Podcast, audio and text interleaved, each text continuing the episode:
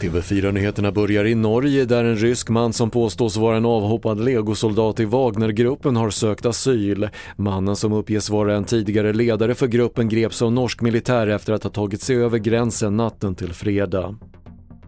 Sökandet efter de fyra personer som fortfarande saknas efter flygkraschen i Nepal igår fortsätter. Minst 68 människor omkom när flygplanet störtade ner i en 300 meter djup ravin men dimma uppges ha försvårat räddningsarbetet under morgonen. Och den extrema fattigdomen i världen ökar för första gången på 25 år visar en ny rapport som hjälporganisationen Oxfam presenterar idag.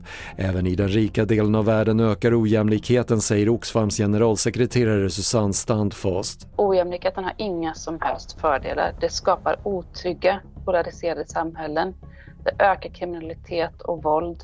Det splittrar människor. Man skapar ett vi och ett dom. Alltså vi är inne på en väldigt farlig väg och vi står vid ett vägskäl. Fler nyheter hittar du på TV4.se. Jag heter Patrik Lindström.